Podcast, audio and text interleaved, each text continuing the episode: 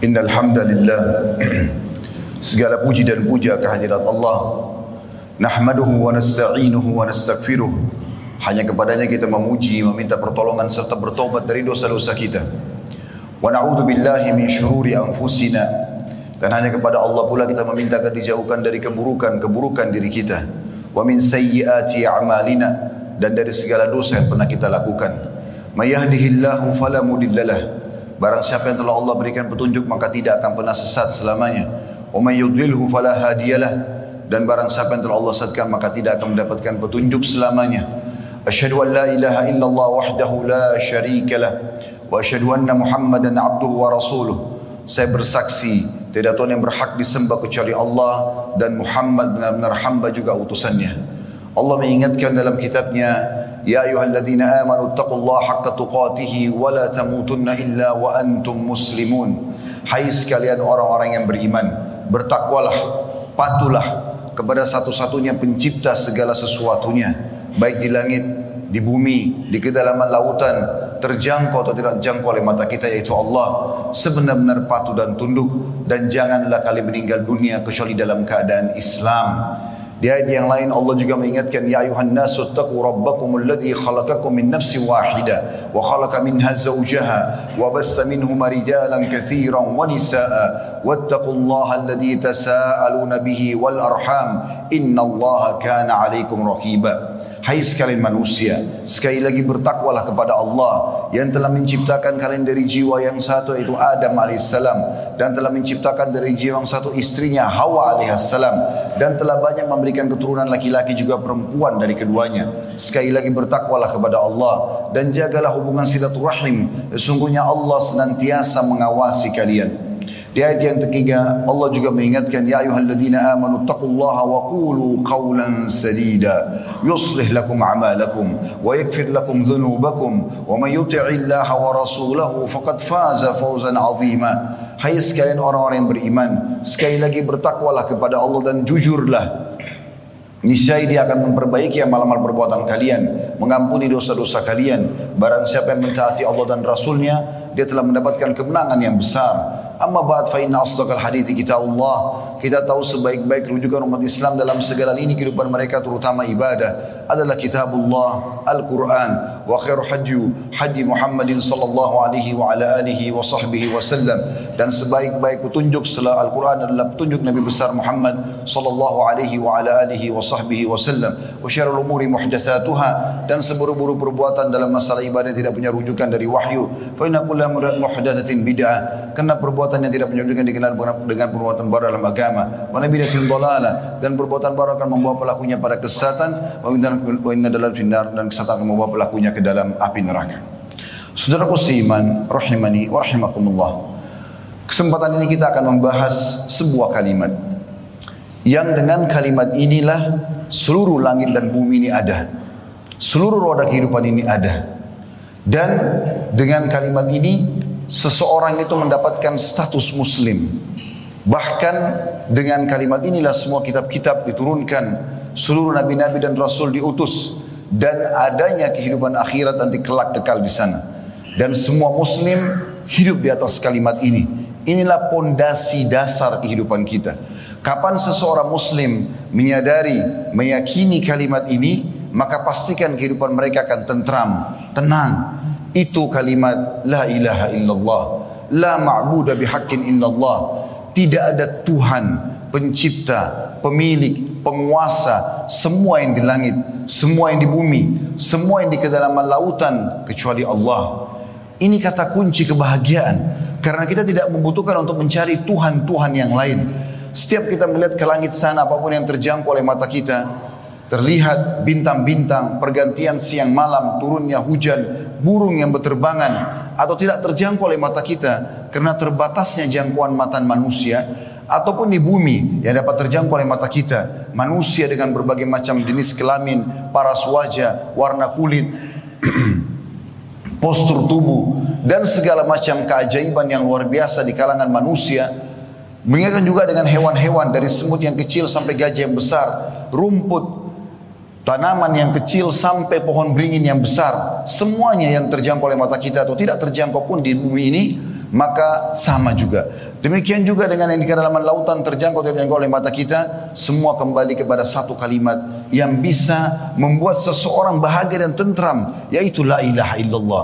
Tidak ada yang menciptakan, tidak ada yang memiliki, tidak ada yang menghidupkan, mematikan, tidak ada yang mengatur semua itu kecuali Allah. Kalau kita memahami dengan benar kalimat ini, maka tidak ada lagi ketergantungan seseorang kepada makhluk, kepada benda mati. Mari kita dengarkan bagaimana Allah subhanahu wa ta'ala menyebutkan dan memperkenalkan tentang dirinya. Dan belum pernah ada satupun yang bisa mengaku seperti pengakuan Allah subhanahu wa ta'ala dengan bukti-buktinya.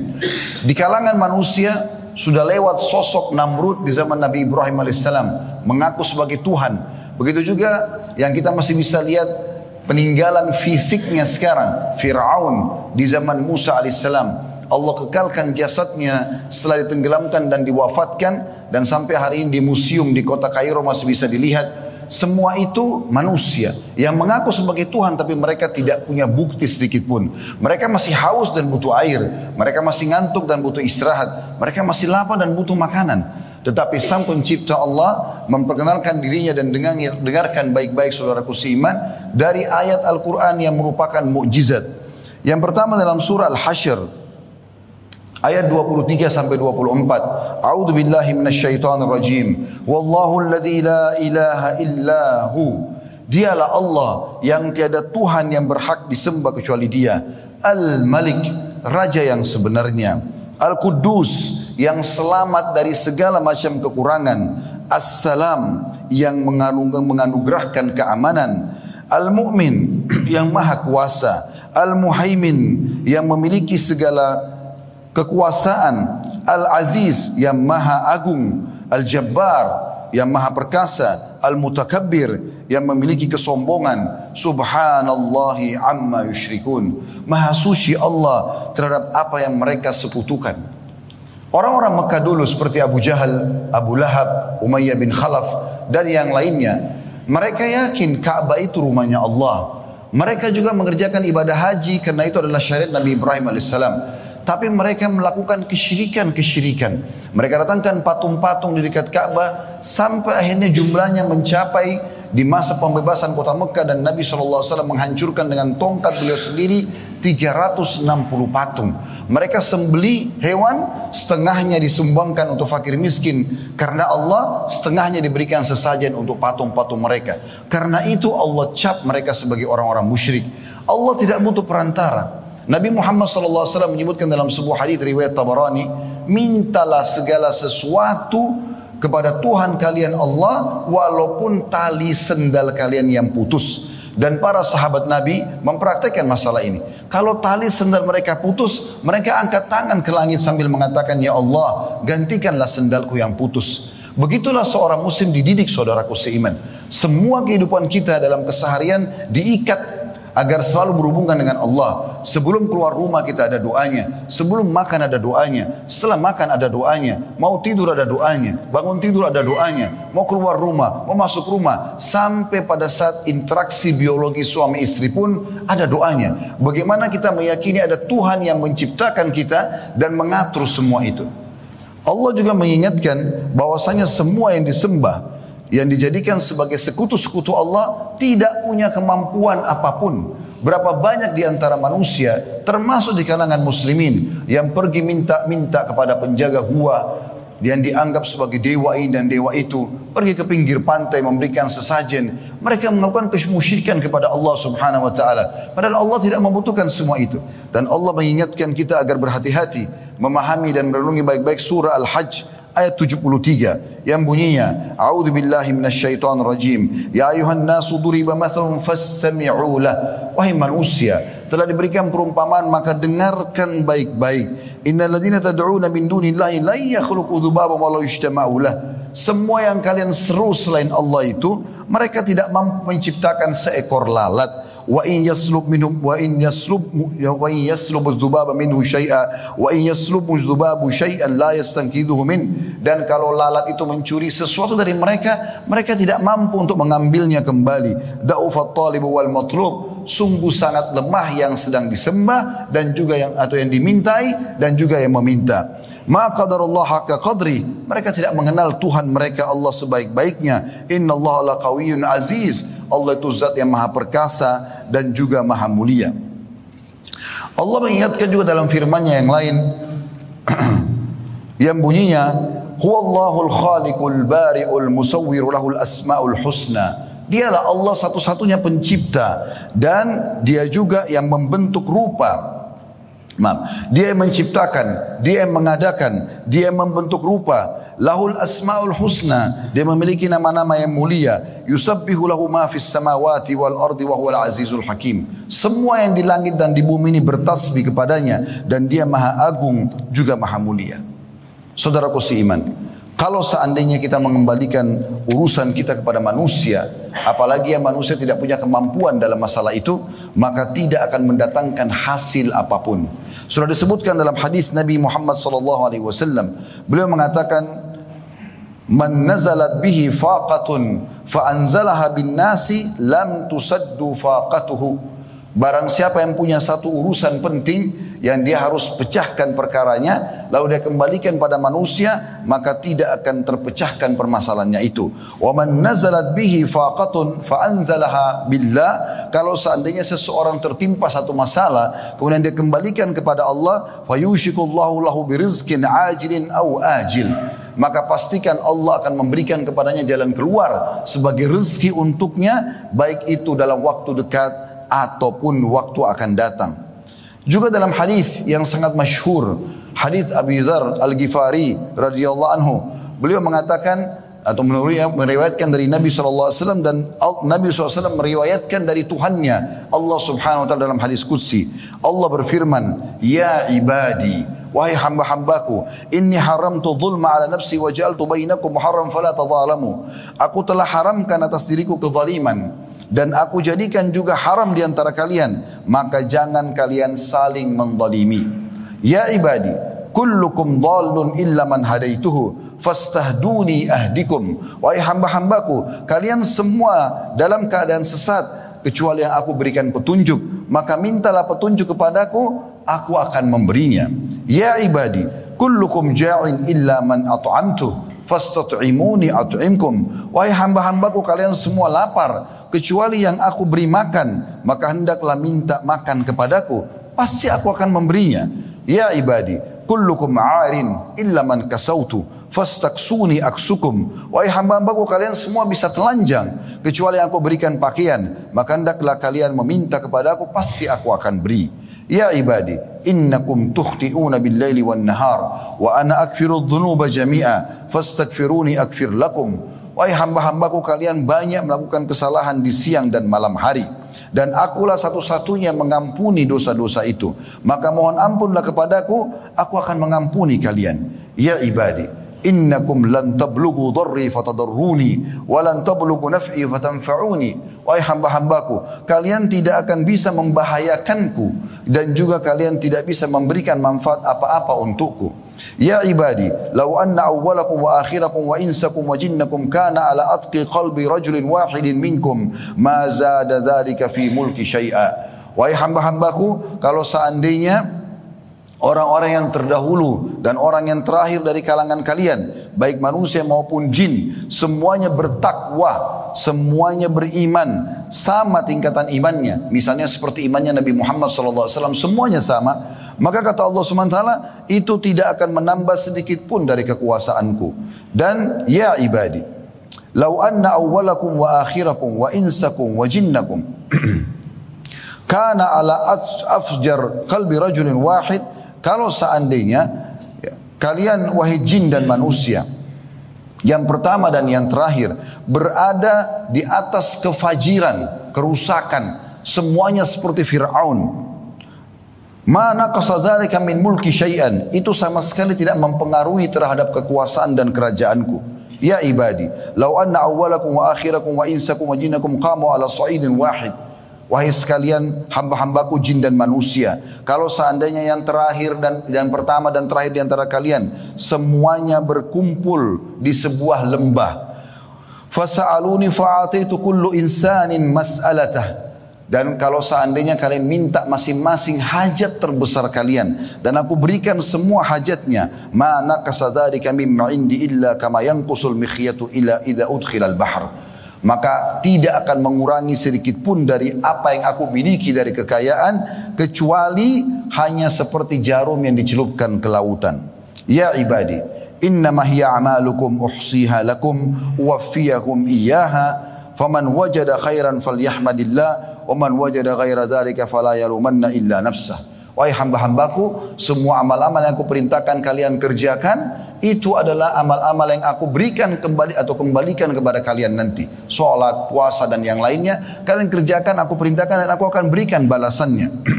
Maka siapa yang mentaati itu dan akhirnya mendapatkan balasan yang baik, dia bersyukur kepada Allah. Dan siapa yang mendapatkan selain daripada itu, maka jangan dia salahkan kecuali dirinya sendiri.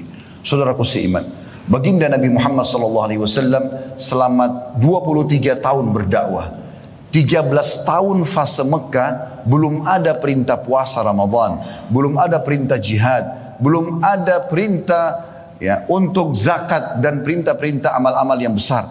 Yang ada adalah penanaman tentang kalimat tauhid ini. 13 tahun dakwah Nabi SAW, Kulu la ilaha illallah tuflihu. Ucapkan dengan lisan kalian, yakini dengan fikiran kalian, dan juga yakini dengan fikirkan dengan fikiran kalian dan yakini dengan hati kalian. Kalau tidak ada Tuhan yang berhak disembah kecuali Allah, maka kalian akan, ber, kalian akan beruntung. Dengan inilah dibangun pondasi keimanan Abu Bakar, Umar, Uthman, Ali, Talha, Zubair, sahabat-sahabat yang mulia yang jadi pemimpin-pemimpin dunia dan pemimpin-pemimpin muslimin. Saya akan angkat sebuah kisah walaupun sekian banyak kisah berhubungan dengan masalah ini. Dinukil sebuah kisah seorang soleh di zaman klasik dulu.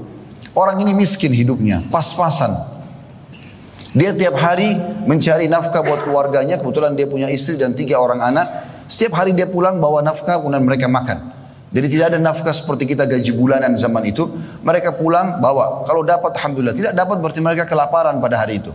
Satu hari dia pulang ke rumahnya tidak mendapatkan atau tidak membawa apa pun. Lalu istrinya berkata kepada dia, mana makanan kita hari ini? Dia bilang, saya sudah berusaha cleaning, saya tidak temukan satu pun tempat yang bisa membuat saya bekerja atau memberikan pekerjaan buat saya. Maka istri bilang, dari pagi saya sama anak-anak belum makan. Coba carilah sesuatu. Dan pada masa itu, pada masa dulu klasik ini, menjelang maghrib semua sudah tutup. Toko-toko sudah tutup. Tidak ada lagi orang yang berkeliaran seperti kita sekarang. Mungkin masih banyak orang yang berdagang sampai mungkin ada yang 24 jam bahkan. Maka dia bilang, baiklah saya coba keluar. Setelah dia istirahat sejenak, di awal malam kalau kita sekitar jam 12, jam 1 malam dia keluar. Untuk mencari makanan. Dia bingung, tidak tahu harus ke mana. Mengetuk rumah orang pun belum tentu ada yang bisa membukakan pintu buat dia. Maka dia lihat pada saat keluar dari rumahnya sebuah masjid. Dekat rumahnya kemudian dia mampir di sana. Dan zaman itu pun tidak ada penerangan kayak kita sekarang. Jadi cuma ada obor dinyalakan oleh marbot masjid di waktu akan dibutuhkan saja untuk sholat. Setelah itu pada saat malam dipadamkan selepas isya. Maka dia pun masuk kemudian dia wudhu, lalu kemudian dia sholat dua rakaat dan dia sujud sambil memohon kepada Allah subhanahu wa ta'ala. Kejadian luar biasa terjadi dalam kisah yang dikatakan, sang raja yang berkuasa di wilayah itu, tiba-tiba malam itu merasa gelisah. Dan dia ingin, dia tiba-tiba mimpi-mimpi tentang akhirat, tentang kematian, tentang kuburan. Dia ketakutan, dia mengambil beberapa kantong harta simpanan dia, Nama saya itu belum ada perbankan juga. Maka dia bawa. Dia mengatakan, Ya Allah, sebagai untuk menebus mimpi saya yang buruk ini. Dan ketakutan saya nanti dihisap di hari kiamat. Saya ingin sedekah malam ini. Pandulah saya agar saya bisa memberikan sedekah kepada orang yang tepat. Maka raja ini pun naik di kudanya tanpa ada pengawal. Kemudian dia berkata, Ya Allah, tali kekangan kuda ini pun tidak akan saya pegang. Saya akan biarkan saja berjalan supaya engkau pandu ke tempat yang tepat. Maka kuda itu pun jalan dan akhirnya mampir di, mampir di halaman masjid yang tadi ada orang miskin yang sedang berdoa kepada Allah Subhanahu wa taala. Sang raja bingung kenapa kudanya mampir di situ dan tidak bergerak lagi. Dia pun turun, dia masuk ke dalam masjid kena gelap gulita sampai dia mendekati mihrab lalu dia dengarkan ada seseorang yang sedang menangis menyampaikan ya Allah sesungguhnya engkau engkau lah pemberi rezeki. Engkau tahu aku dengan istri dan aku belum makan pada hari ini dan aku tidak tahu harus minta makanan ke siapa pada malam ini. Kami kelaparan berikan berikanlah kami makanan ya Allah. Maka sang raja ini pada saat dengar itu menunggu orang ini sampai selesai berdoa lalu dia mengatakan, ketahuilah saya adalah raja wilayah ini dan saya mendengar keluh kesahmu tadi. Saya sudah niat ingin bersedekah pada malam ini dan saya minta Allah pandu. Ternyata kuda saya mampir di masjid ini dan saya melihat ini adalah rezekimu. Ambillah ini. Dan ketahuilah saya akan berikan kamu satu memo. Kalau seandainya kamu butuh apa-apa tinggal datang dan kau akan bisa menemui aku. Karena kau di Allah memanduku untuk menemui malam ini. Maka subhanallah orang miskin ini mengucapkan kalimat teman-teman sekalian. Kalau seandainya semua muslim punya keimanan seperti ini sudah luar biasa. Berarti kalimat la ilaha illallah tertanam benar dalam hatinya.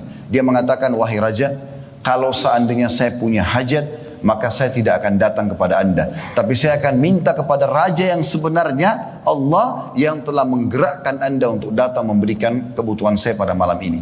Begitulah saudaraku seiman orang yang memahami la ilaha illallah. Semuanya digantungkan padanya.